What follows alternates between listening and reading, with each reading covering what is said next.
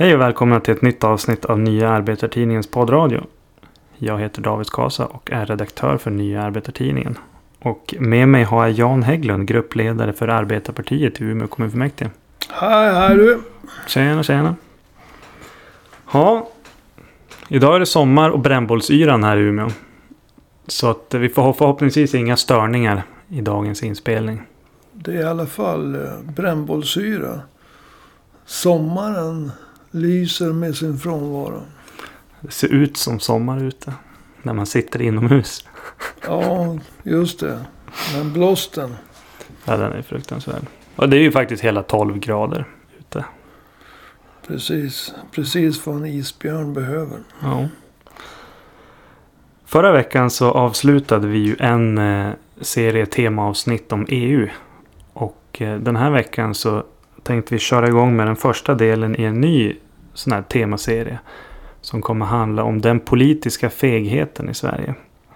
Tänkte du att det skulle bli en långkörare? Ja, risken finns ju. Men, men vi, vi börjar väl med en tredelad variant här. Precis som i EU. För att, men ja, det kan ju bli, det kan ju bli långt. För den politiska fegheten är ju ingen myt. Den är högst reell i Sverige. Eh, samtidigt så går det ju både att förklara och förstå den. Och det är väl det som är syftet med den här eh, temaserien. Eh, att förklara och förstå för att kunna bekämpa. För effekterna av den här politiska fegheten är väldigt farliga. Eh, och när det gäller dagens tema så, så ska vi diskutera en sån effekt. Nämligen att vanliga muslimer lämnas i sticket. Liksom kristna från andra länder. Medan extrema islamister gynnas av den här politiska fegheten. Och då ska vi komma in på någonting som du har varit inne på en del tidigare gärna. Eh, nämligen en överenskommelse mellan socialdemokratin och en organisation som står nära det muslimska brödraskapet. Du har nämnt den i en del tidigare poddavsnitt i förbifarten. Nu ska vi gå på djupet här. Vad är det för överenskommelse egentligen? Ja, det är en eh, 20-årig överenskommelse mellan det socialdemokratiska partiet i Sverige och Muslimska brödraskapet. De ingick inte den här överenskommelsen under egna flaggor.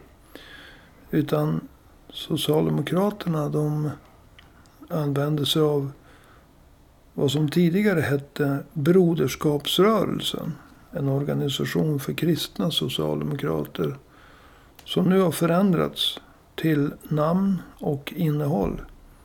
Och heter numera Tro och solidaritet. Det var Socialdemokraternas buffertorganisation. Och de, de eh, träffade en överenskommelse eh, med Sveriges muslimska råd. Som man kan säga var en buffertorganisation för Islamiska föreningen. Eller Islamiska förbundet. Mm. Och det är Muslimska brödraskapet i Sverige. Ja, just det. Fanns det inga socialdemokrater som varnade för det här då? Det fanns det. Det var många socialdemokrater som varnade Göran Persson för att man skulle komma och bränna sig. Och en av dem hette Nalin Pekgul och hon var ordförande för de socialdemokratiska kvinnorna. Hon satt också i riksdagen. Men hon blev utmobbad. Det var både frågan om islamister och hedersförtrycket som hon var ute och debatterade och gjorde sig obekväm på. Mm. Men den här överenskommelsen, den här formella överenskommelsen. Det var en kvinna, en eh, riksdagsledamot som hette Karina Hägg. Som eh, tyckte att det hade gått för långt. En formell överenskommelse. Så hon berättade om det här. Och överenskommelsen ligger idag ute på nätet. Och är tillgänglig för alla. Så Mm. att eh, det, det är alltså socialdemokrater själva som, som helt enkelt tyckte att det här är inte rätt. Vad gick den här överenskommelsen ut på då? Ja, det handlar ju helt enkelt om att, för att tala klarspråk, köpa röster. Socialdemokraterna behövde röster. De var i färd att under Göran Persson genomföra det hårdaste nedskärningsprogrammet i västvärlden. Från 94 och framåt. Och det här var ju inte helt populärt. Nej. Så eh, att få en väldig massa nya röster från ett helt nytt håll. Det verkade ju minst sagt attraktivt. Jo. Och i utbyte mot det så skulle Socialdemokraterna ställa ett antal platser på valsedlarna till förfogande. Till Muslimska brödraskapet och de närstående organisationer. Och det gällde då både på kommunala valsedlar, landstingsvalsedlar och även riksdagsvalsedlar. Mm. Så man köpte makt för islamisterna mot röster för Socialdemokraterna. Det var en gammal ohederlig hästhandel. Vissa kanske skulle säga att eh, ja, det är bra att muslimer får, får plats i, i valda församlingar. Hur ser du på det? Är, det? är det inte bra att muslimer ändå får en chans att delta i det politiska livet? Det är absolut bra. Om det handlar om individer. Om vi tar vårt parti så går ju människor med som individer. Och att det, vi har ju medlemmar som är kristna. Vi har medlemmar som är muslimer. Mm. Men i uppgörelsen så var det så här att Socialdemokraterna ställde ett visst antal tomma platser till förfogande. Och i utbytet var ju då alltså att imamen uppmanade folk på fredagsbönen att rösta på det socialdemokratiska partiet när det så var dags. Mm. Men problemet här, det var ju att Socialdemokraterna hade ingen aning om vilka individer som skulle fylla de tomma platserna. Mm. Så utbytet skedde ju in blanco. Och det är ju absolut rätt att om en individ Oavsett om du är ateist, kristen, juden, muslim, buddhist, hindu. Har kvalificerat dig genom att börja dela ut flygblad, gå på möten, koka kaffe, servera kaffe, köpa bullar. Göra det basarbete som man gör i alla föreningar som partier som, som är sunda. Ja. Skaffar dig det förtroendet. Och också att folk lär känna dig och du lär känna det, det, det parti du är med i. Men här ställde helt enkelt Socialdemokraterna tomma platser till förfogande. Och de hade ingen aning om vilka, skulle kom, vilka som skulle komma att fylla dem. Det var inga krav på att de skulle uppfylla socialdemokratiska värderingar och sådana saker. Ja, självklart så snackas det ju. Alltså, ursäkta, men alltså när jag hör ordet värdegrund. Då osäkrar jag som vanligt min revolver. Men alltså det är ju hur lätt som helst att säga. Jo, jo när du hör någonting. Att man ska vara snäll. Mm. Liksom, fred i världen och... Jo, vem ställer inte upp på det liksom? Vem ställer inte upp på det? Va? Men sanningen den är ju den. Att man måste lära känna människor. Samarbeta med dem. Men här ställde Socialdemokraterna platser till förfogande. Så det kom människor de inte visste vilka de var. Och tog upp platserna. De hade ingen aning om ifall de var muslimer eller islamister. Mm. Det och, det var, och det var många som var islamister. Därför att Muslimska brödraskapet, det är en islamistisk organisation. Mm. Ja, det var intressant att du sa det här muslimer och islamister. Det är ju inte alla som vet vad skillnaden är mellan just å ena sidan muslimer och å andra sidan islamister. Så du kanske skulle kunna Om vi gör en liten en av, utvikning här. Att om du kan förklara skillnaden mellan muslimer och kanske framförallt vad du menar med islamister. Alltså, muslimer, de tror ju på islam. De tror på profeten och Koranen och Allah. De ber mot Mecka ett visst antal gånger om dagen. De firar Ramadan. De äter inte visst kött. Och så vidare. Så islamisterna. Det de strävar efter. Det är att skapa ett nytt kalifat. Och om vi tar nu Muslimska brödraskapet. Så strävar de efter att skapa ett nytt kalifat. I Europa har man bestämt sig för att jobba med fredliga medel. Mm. Men om man tittar på de slagord som är vägledande för Muslimska brödraskapet rent generellt så är inte det fredliga slagord. Men i Europa så har man bestämt sig för att jobba fredligt. Jag ska inte gå in på det. Mm. Men slutmålet det är att skapa ett kalifat.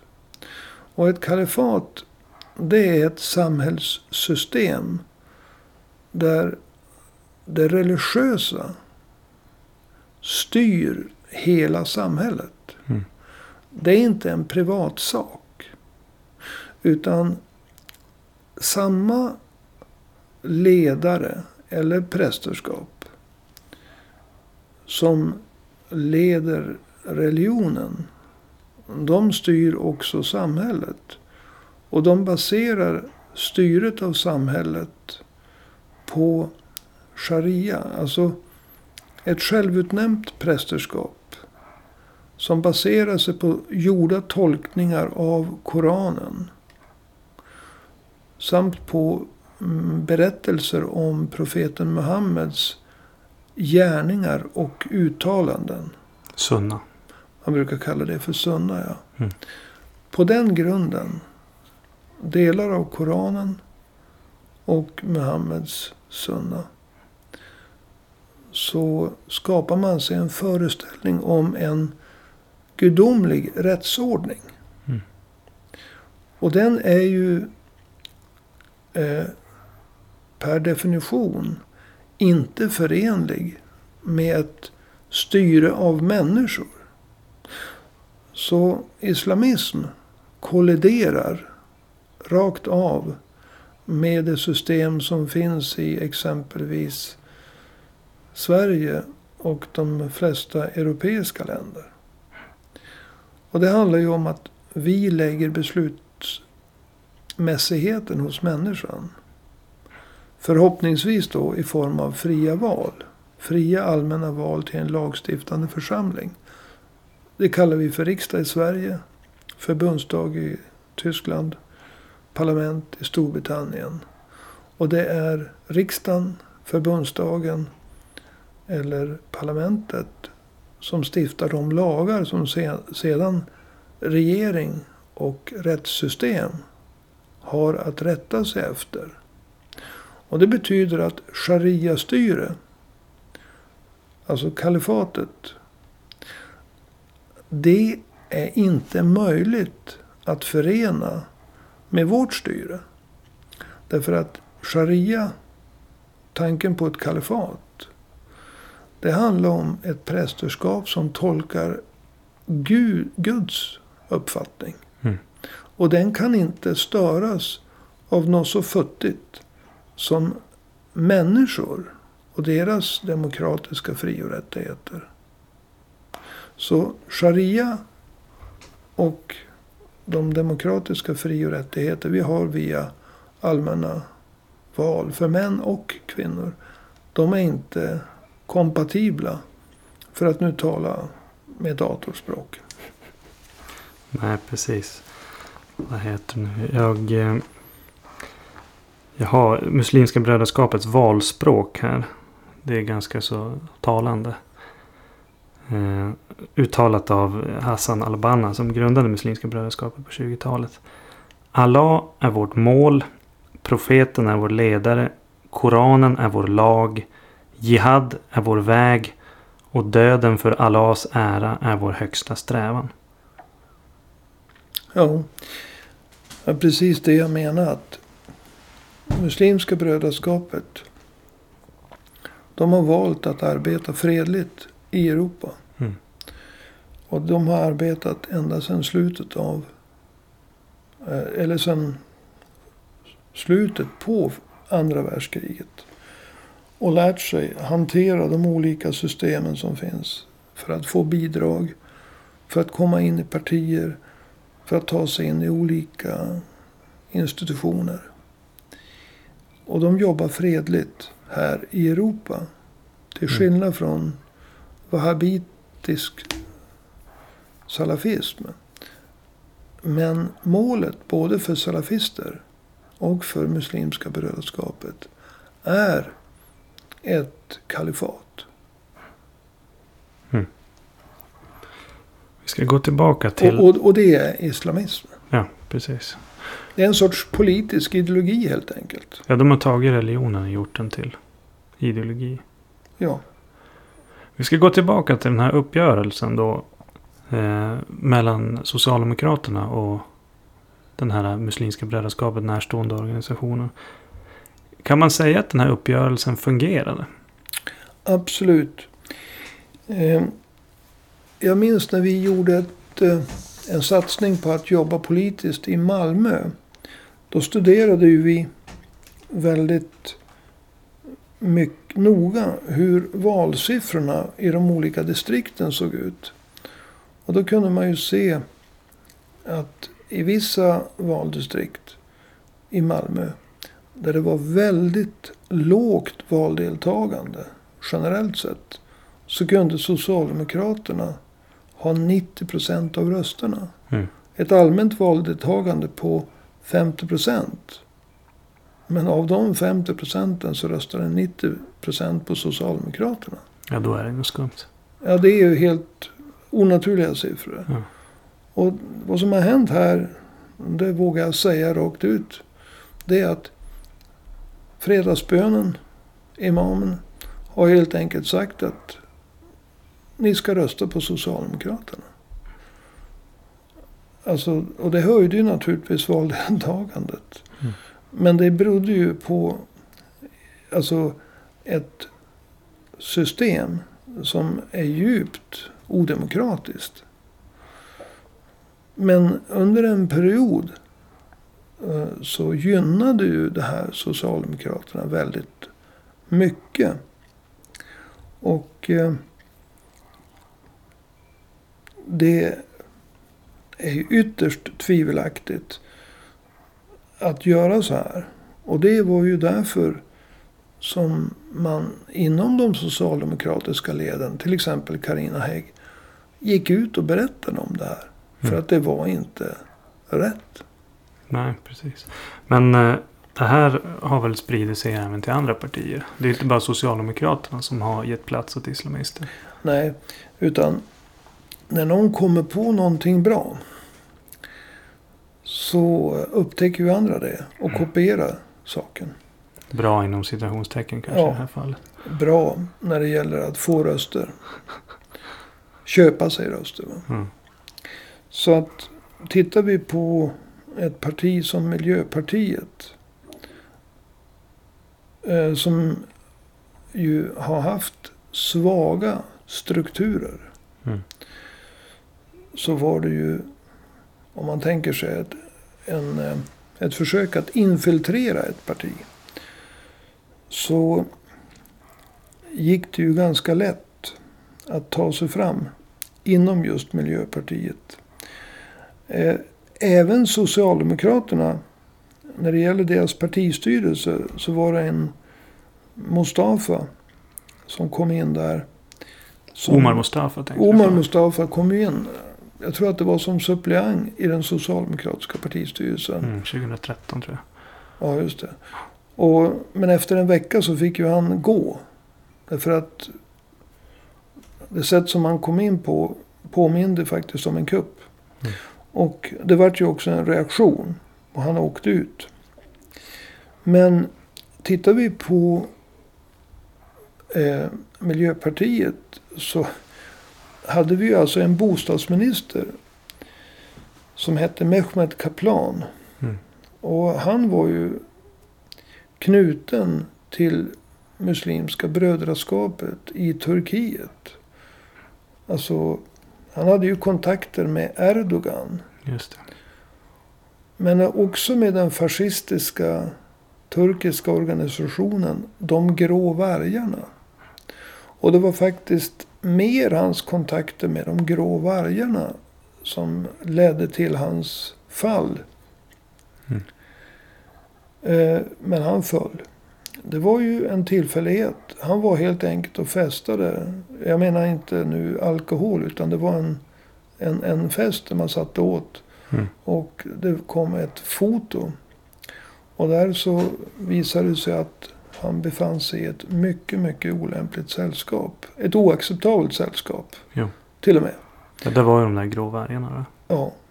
Men också fanns det islamister där. Och det...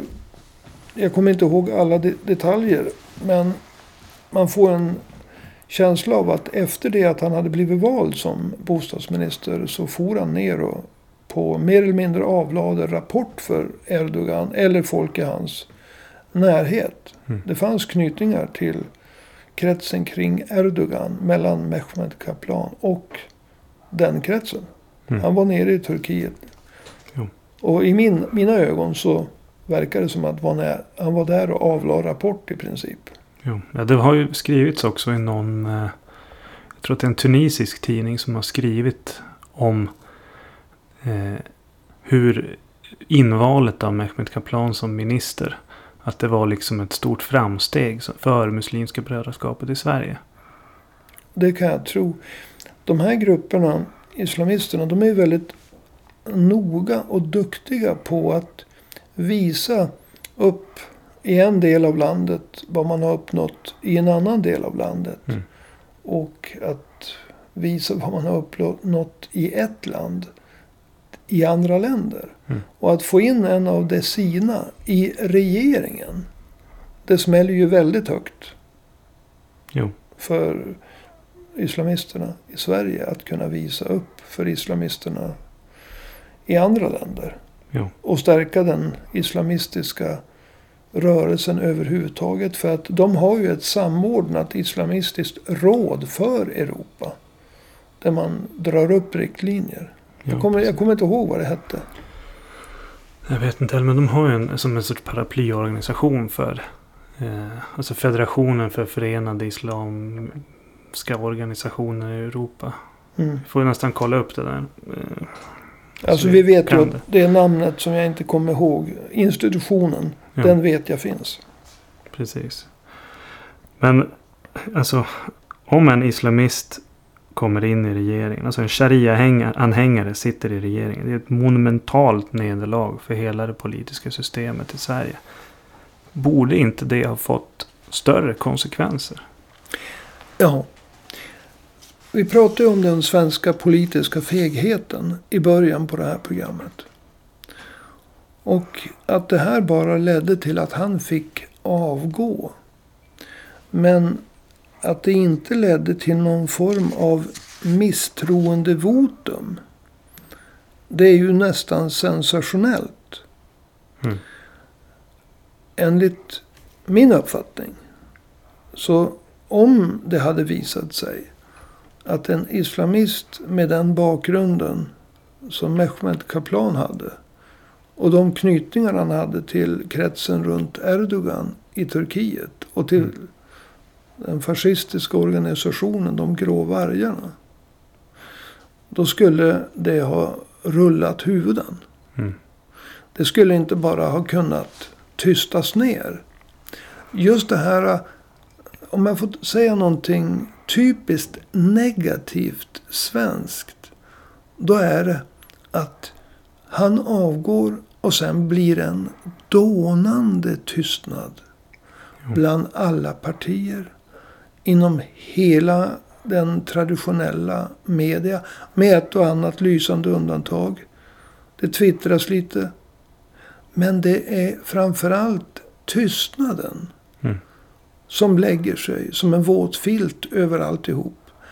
Alltså nu pratar jag bildligt. Men det borde rulla huvuden. Och oppositionen är inte värd att kallas opposition. Om de inte hade ställt ett misstroendevotum mot hela regeringen i en sån situation. Mm. Men jag tror jag, med, jag tror jag vet varför. Därför att det är många av oppositionspartierna som själva hade samma problem med infiltration av islamister. Mm. Har du något exempel på det? Då? Ja, det finns ju en hel del exempel. Men låt oss ta någonting som är mycket känt. Det är ju Centern i Solna. Där hade ju två stycken sharia-anhängare blivit invalda i tingsrätten. Vi har ju ett sådant system i Sverige att eh, eh, nämndemännen, kvinnliga och manliga, de utses ju via de politiska partierna. Mm. Och här hade vi då två stycken sharia-anhängare, islamister, som var medlemmar i Centern. Och de satt i Solna tingsrätt. Och i ett skriftligt utlåtande som frikände en man som hade misshandlat sin fru. Så talade man om sharia och dess principer som ett av skälen till att frikänna mannen. Och det var ju väldigt bra att det där kom svart på vitt på papper. Man kan ju bara undra hur många beslut de här personerna har påverkat beslut i tingsrätten. Utan att de har satt ner sharia-värderingarna sina på Ja. papper. Och det är ett väldigt känt exempel. Men det finns ju andra exempel på hur rättsväsendet har infiltrerats. Det finns en annan nämndeman från Sundbyberg. En miljöpartist. Ja, han har väl backat upp dem, var det inte så? Eh, Ja, just det. Den Vad här? Robert Ahl tror jag. ja, just det. Precis. Han var vice ordförande i stadsmiljö och tekniska nämnden hemma i Sundbyberg. Och eh, Han backar väl upp de där två centerpartisterna. ja, jag tror han gjorde det. Det finns många exempel. Eh, det, det tog sig faktiskt en sharia-anhängare. Tog sig ända fram till riksdagen. Intog en riksdagsplats via Moderaterna. Just det. Han var ju med i Uppdrag granskning. Eh, Abdirizak Vaberi hette han. Mm, Okej, det stämmer. Men han fick ju gå. Mm. Men alltså alla de här exemplen tillsammans. Alltså att vi har fått tvingas uppleva att sharia-värderingar påverkar beslut som han behandlar hustrumisshandel. Mm. Där mannen som borde blivit dömd för hustrumisshandel frikänns på grund av sharia-värderingar. Mm. Alltså att det kan hända. Det kräver att huvuden ska rulla. Ja. Men i Sverige så utbreder sig den stora tystnaden. Mm. Och det, den stora tystnaden är också ett exempel på den stora fegheten. Mm. Och utan att nu gå in allt för mycket på det. Så finns det en parallell till vad som inte ägde rum efter andra världskrigets slut. Nästan alla partier i Sverige hade sin beskärda del av anhängare till rasbiologi men också nazism.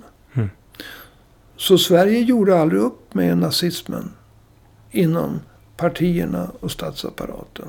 Därför alla hade skelett i garderoben. Och det där kan vi återkomma till. Absolut. Men det finns en parallell.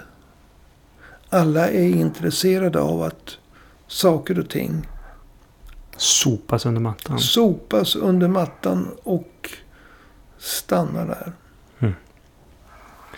Jag tycker att det blir ett ganska bra avslut här på den här äh, sändningen idag. För det, där, det, det blir tema för nästa veckas podd tycker jag. Att vi, vi, vi får gå in. Alltså det, det är ett väldigt viktigt historiskt exempel. Tycker jag. Det du tar upp om, om fegheten i att göra upp med nazistanhängarna. Absolut. Och det där har satt djupare spår eh, i det svenska politiska systemet än vad många idag vet. Det är ju helt okänt egentligen. För de flesta. Mycket okänt. Precis som den här uppgörelsen eh, mellan Socialdemokraterna och Muslimska brödraskapet var okänd. Och är fortfarande tror jag okänd för många. Det är den. Alright, men du, jag får tacka så mycket för idag då. Tack själv. Får vi ge oss ut i eh, sommaren. Eller det är lönnsommar, det är inte sommar ute.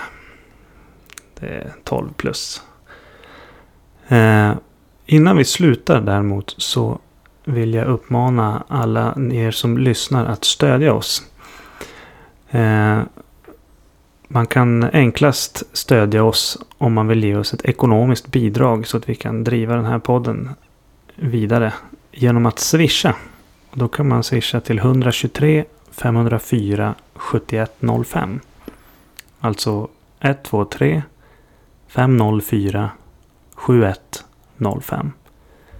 Och det där numret finns också om du går in på vår hemsida arbetartidningen.se. Det finns eh, swishnumret också. Sen vill vi gärna höra, vi har ju funderat på att eh, ha lite reklam och lite sponsorer. Så känner du att du vill sponsra våran eh, podd, om du vill göra reklam för någonting så får du höra av dig.